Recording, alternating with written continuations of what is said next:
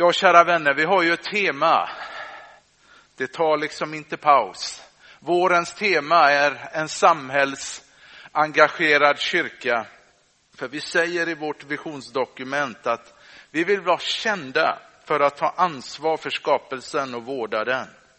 Vi vill vara kända för att vara en stark samhällsaktör i vår stad. Och flera av er vet att jag den senaste tiden har gått omkring med en dröm. Jag drömmer om att vi tillsammans ska höja Jesus-temperaturen i vår stad.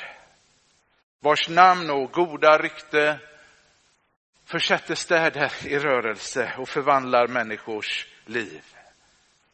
Det är sådana församlingar som världen behöver som i Jesu anda förjagar ondskans mörker. En samhällsengagerad kyrka står inte och ser på när världen brinner. I kampen mot det onda så står Guds församling på Guds sida och gör allt i sin makt för att rädda den. De gångna veckorna har världen tvingats att beskåda ännu ett meningslöst krig. Man frågar ju sig, vad är det för en varelse som kan frambringa häpnadsväckande byggnadsverk och sedan få för sig att spränga allt i luften? Vad är det för en förvirrad varelse som lägger mer pengar på vapen än på sjukvård. Jag läste att året 2020, då spenderade världens länder över 2000 miljarder dollar på vapen. Alltså man kan ju fråga sig, kan inte Gud bara sätta stopp för allt elände? Eller är det helt enkelt så att Gud inte bryr sig? Beskyllde man inte Jesus i stormen för precis samma sak? Bryr du dig om att vi går under? Såklart att Gud bryr sig. Den som påstår motsatsen har inte läst Bibeln. Utan Bibeln är det omöjligt att förklara det ondas uppkomst, skapelsens nuvarande tillstånd och vad Gud gör för att återigen ställa allt till rätta.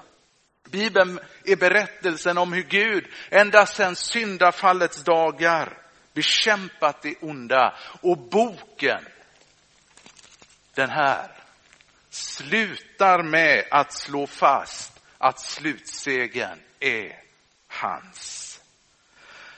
Vi ska idag studera en välkänd strid i Bibeln Davids kamp mot Goliat. Om nu de äldre söndagsskolbarnen är kvar här uppe, jag ser dem inte, så har de säkert, och du också, hört talas om denna.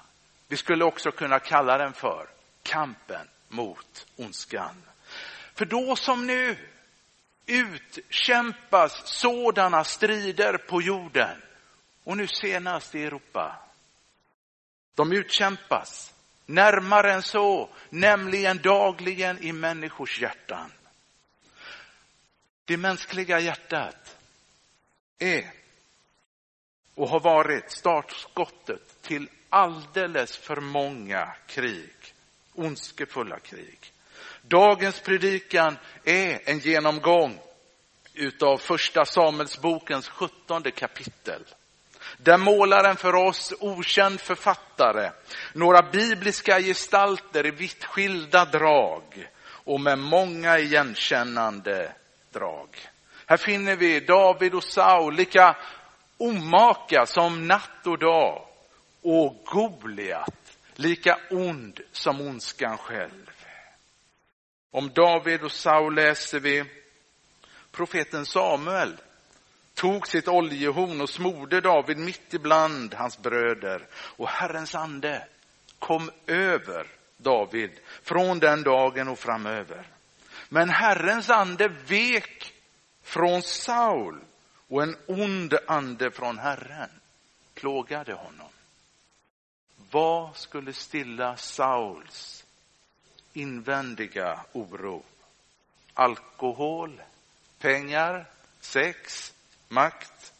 En del människor tillgriper sådant för att stilla sin inre oro, dämpa sin ångest. Nej, ett mycket träffsäkrare vapen.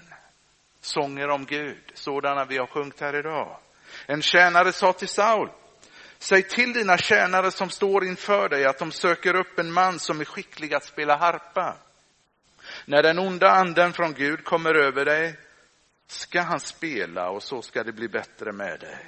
Och man sökte genom hela Israel efter en sådan musiker. Och en av tjänarna sa, jag har funnit en järv och duktig stridsman, en begåvad talare och skicklig att spela. Dessutom, det här är ju roligt, ser han bra ut. Och Herren är med honom. Och Saul beskrivs som huvudet högre, medan David bara var en pojke duktig på att spela harpa. Och David kom till Saul och trädde i hans tjänst.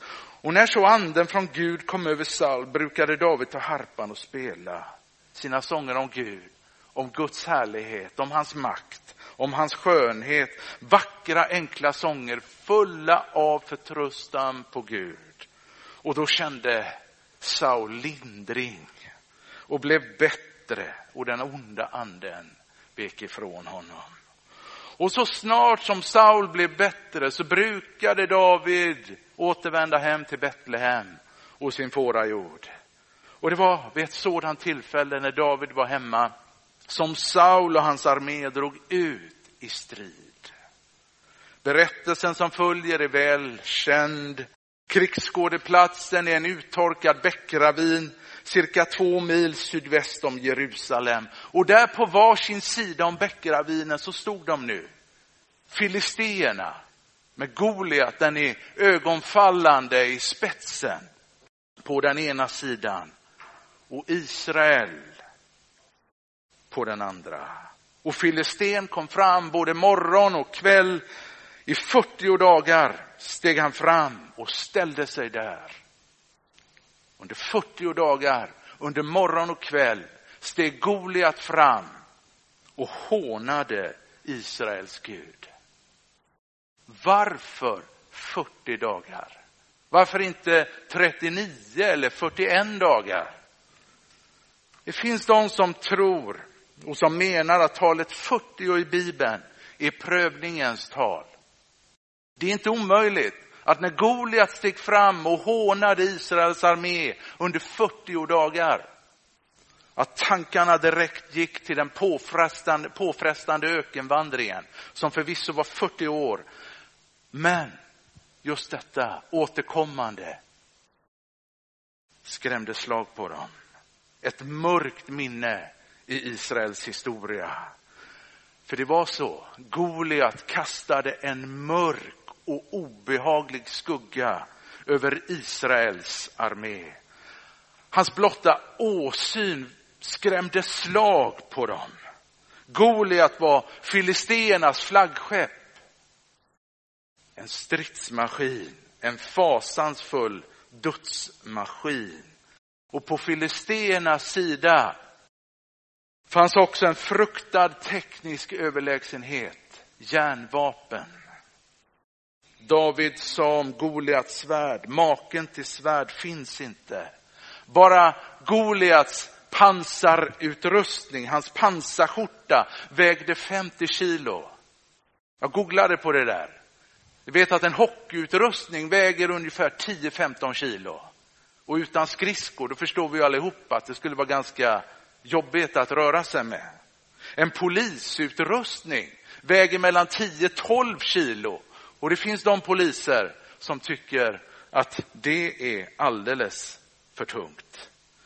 Goliat var som en tung börda för Israel och under 40 dagar så fullständigt spydde han ut galla och hån över Israels armé.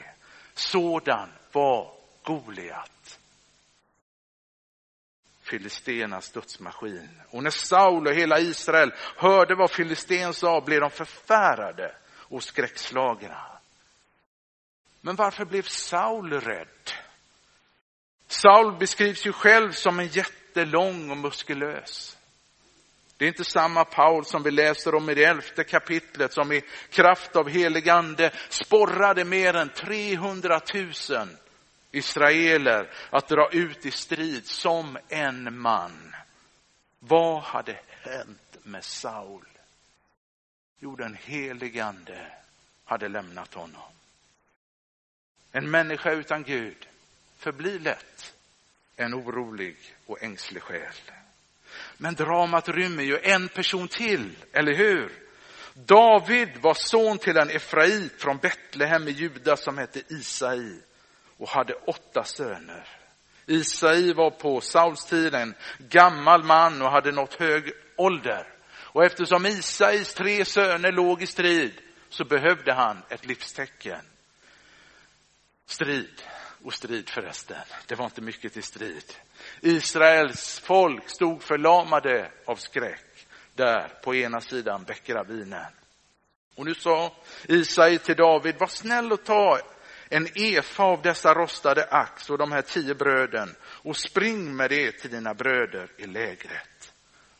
Och under tiden som David var i lägret så kliver Goliat än en gång fram och hånar Gud. Och David han tror knappt sina öron.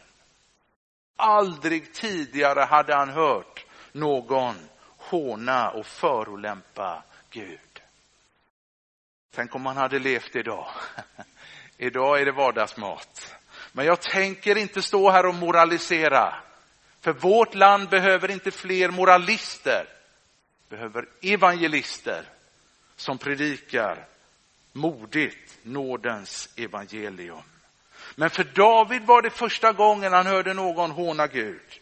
Och han frågade männen som stod bredvid honom, vad får den som slår ner den där filisten och ta bort skammen från Israel? Vem är denne oomskurne filisté som vågar håna den levande Gudens här? David, vilken stridsman. Alltså här visar ju texten varför David var rätt man att strida mot Goliat. David hade ett rent hjärta. Han hade redan vunnit striden mot Goliat, den i hjärtat. Den jag själv förlorat så många gånger. Eftersom David ständigt hade Gud för ögonen så var striden mot Goliat redan vunnen. David kände sin Gud med härskarornas Gud i spetsen, såg David bara möjligheter, inte problemen. För de andra israelerna var Goliat alldeles för stor att stå emot, men inte David. För honom var Goliat den bästa måltavlan, för man kunde ju inte missa jätten. Och vet du vad? När männen hörde vad David sa så gick man och berättade det för Saul. Och Davids Gud, Davids Gud gjorde så starkt intryck på omgivningen att hoppet återigen väcktes till liv. David, vilken frisk fläkt. Guds församling behöver många som David. Vårt land behöver ju inte fler pessimister, utan optimister. Eller hur? Titta inte på vad du saknar, utan se på Gud. Och därigenom möjligheterna. Saul sa till David, inte kan du gå och strida mot denne filisté, du är ju bara en pojke. Och han en krigare ända från ungdomen. Men David svarade, din tjänare har gått i vall med sina får. Om då ett lejon eller björn kom och tog bort ett får av jorden följde jag efter vilddjuret. Om vilddjuret då reste sig upp mot mig dödade jag det. Och David sa vidare, Herren som räddade mig undan lejon och björn ska också rädda mig från den där filisten. David, vilken stridsman. Och vid de orden klädde Saul på David sina egna kläder Och för en stund så såg det ut som att David var på väg ut för att strida mot Goliat. Med både Guds och Sauls hjälp. Men David sa till Saul, jag kan inte gå ut med det här, för jag är inte van vid det. Så han la av sig det. Kvar var nu bara Gud, inte både och. Iklädd endast Guds vapenrustning, rättfärdighetens pansar, frälsningens hjälm, villighetens skor och andens svärd. Uppfylld utav den helige ande så tog David sin stav i handen, valde ut åt sig fem släta stenar ur bäcken, lade dem i fickan på sin hedeväska och tog sin slunga i handen. Och så gick han fram mot Filisten. Varför fem släta stenar? Var han rädd att missa Goliat med de fyra första? O oh, nej. Goliat hade fyra bröder och David tänkte döda dem allihop. Då Filisten såg upp och fick se David föraktade han honom. För David var bara en pojke, rödkindad och vacker.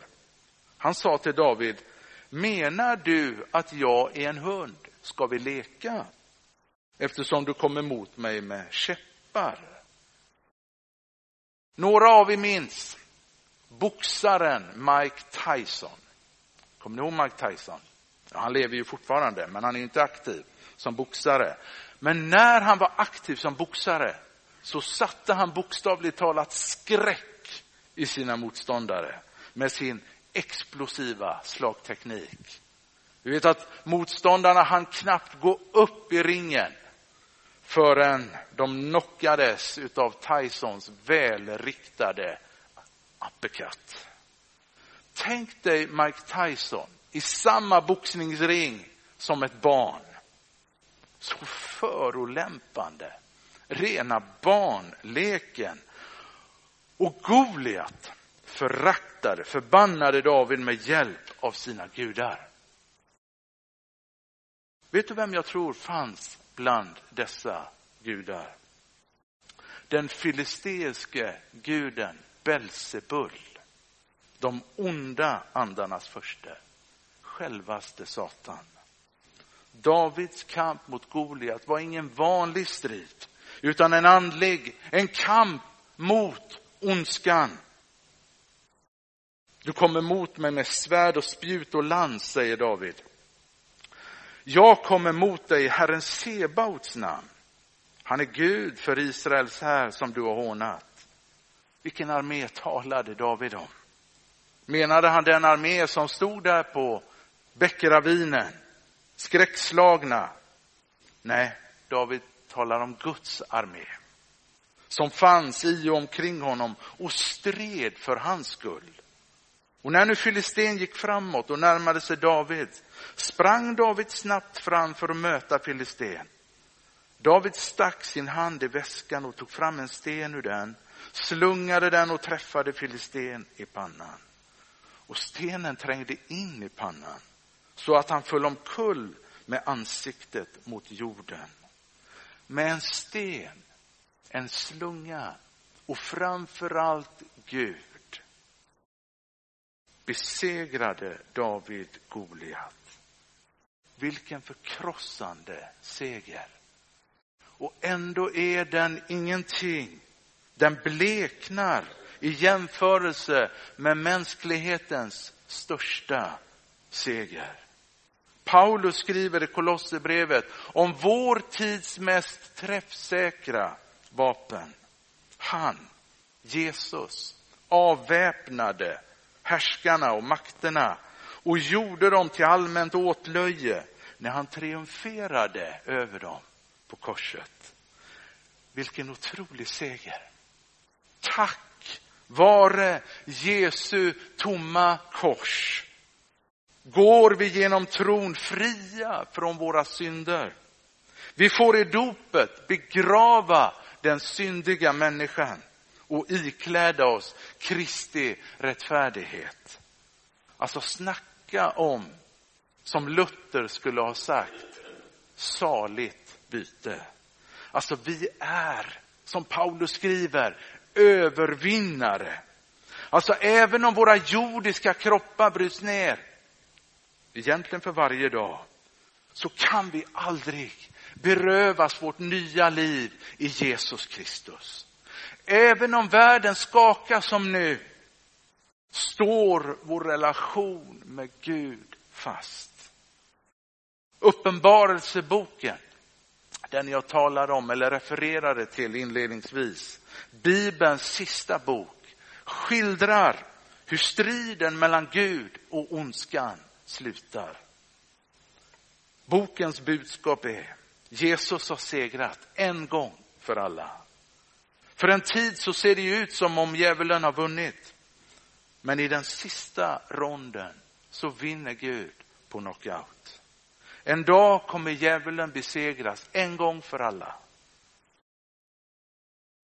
Och det blir segerfest i himlen. Frågan är inte om Gud är stark nog att rå på det onda, utan frågan är ju om du och jag vill vara med och fira slutsegern tillsammans med honom. Du förstår att Bibeln lägger mycket av skulden för världens lidande på människor som du och jag. Gud skapade oss människor med en fri vilja att fritt välja mellan rätt och fel. Och vi valde frivilligt bort Gud.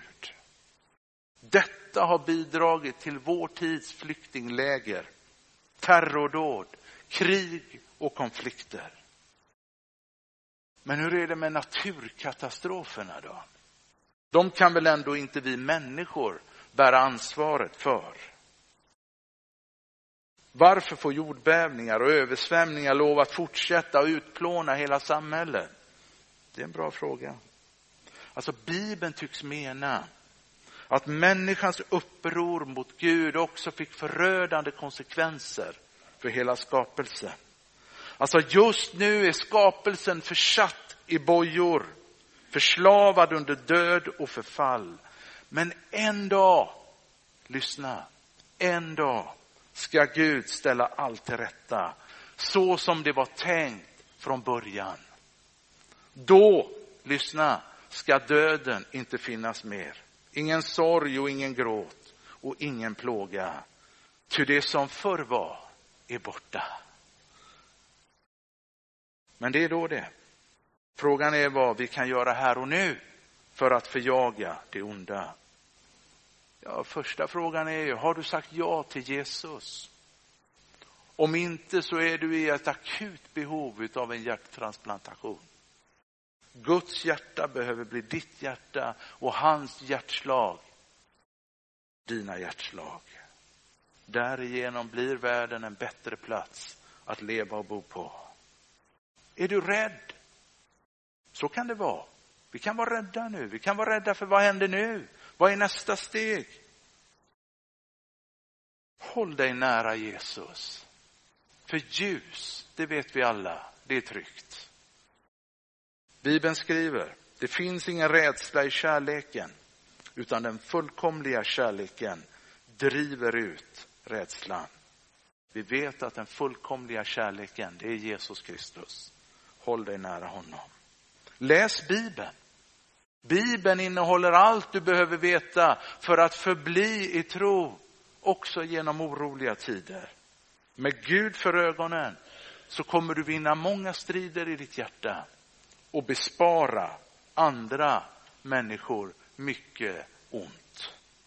Dela trons gemenskap, precis som Jenny sa. Ensam är inte stark. Vi behöver varandra. Dela de glada nyheterna om Jesus. Så gör du vår stad och värld till en bättre plats i väntan på Jesu återkomst. Och låt dig uppfyllas av den helige Ande hela tiden. Kämpa dig inte igenom livet i egen kraft, utan ta hjälp av den helige Ande. Min ande, säger Herren Sebaot. Vi har pratat om att en samhällsengagerad kyrka står inte och ser på som nu när världen brinner. Den gör vad den kan för att rädda den. Vi står på Guds sida i kampen mot det onda. Vad i Jesu anda kan du göra för att förjaga världens ondska? Börja runt om dig, där du står och gör det, gör det lilla du kan och låt Herren strida med och för dig. Låt oss be. Himmelske Fader, vi tackar dig för att du trots att vi vände dig ryggen valde att stå kvar och göra ditt yttersta för att bekämpa ondskan. Herre, vi läser i Gamla testamentet om många strider. Men Herre, i sitt sammanhang förstår vi Gud att du gjorde vad du kunde redan då, Herre, för att bekämpa det onda. Men Herre, vi, vi tackar dig för att planen, Jesus Kristus, Herre, är mycket av svaret på vad som skulle göra både världen och oss själva till en bättre plats och bättre människor. Herre, vi tackar dig för att du genom att flytta in i våra hjärtan också får en annan möjlighet, Herre, att verka i och genom oss. Herre, vi tackar dig för att vi kan få vara med i din plan att rädda världen. Och vi ber Gud om att vara en sådan samhällsengagerad kyrka som i kampen mot det onda står på din sida, Herre. Herre, vi vill och vi ber, Herre, kom. Kom Gud och hjälp oss. Herre, tack för att du hör våran bön. Herre, vi ber för den situation som nu är där borta i Ukraina. Herre, vi ber för Putin i Kreml. Herre, vi ber att du som bokstavligt talat kan gå genom dörrar och som också kan gå in genom Putins hjärta. ber om att han skulle ta det där dörrhandtaget på insidan och välkomna in dig, Gud. Så att vi får ett slut på det här kriget. Herre, tack för att du hör bön. Herre, så att världen blir en bättre plats att leva och bo på i väntan på din återkomst. Amen.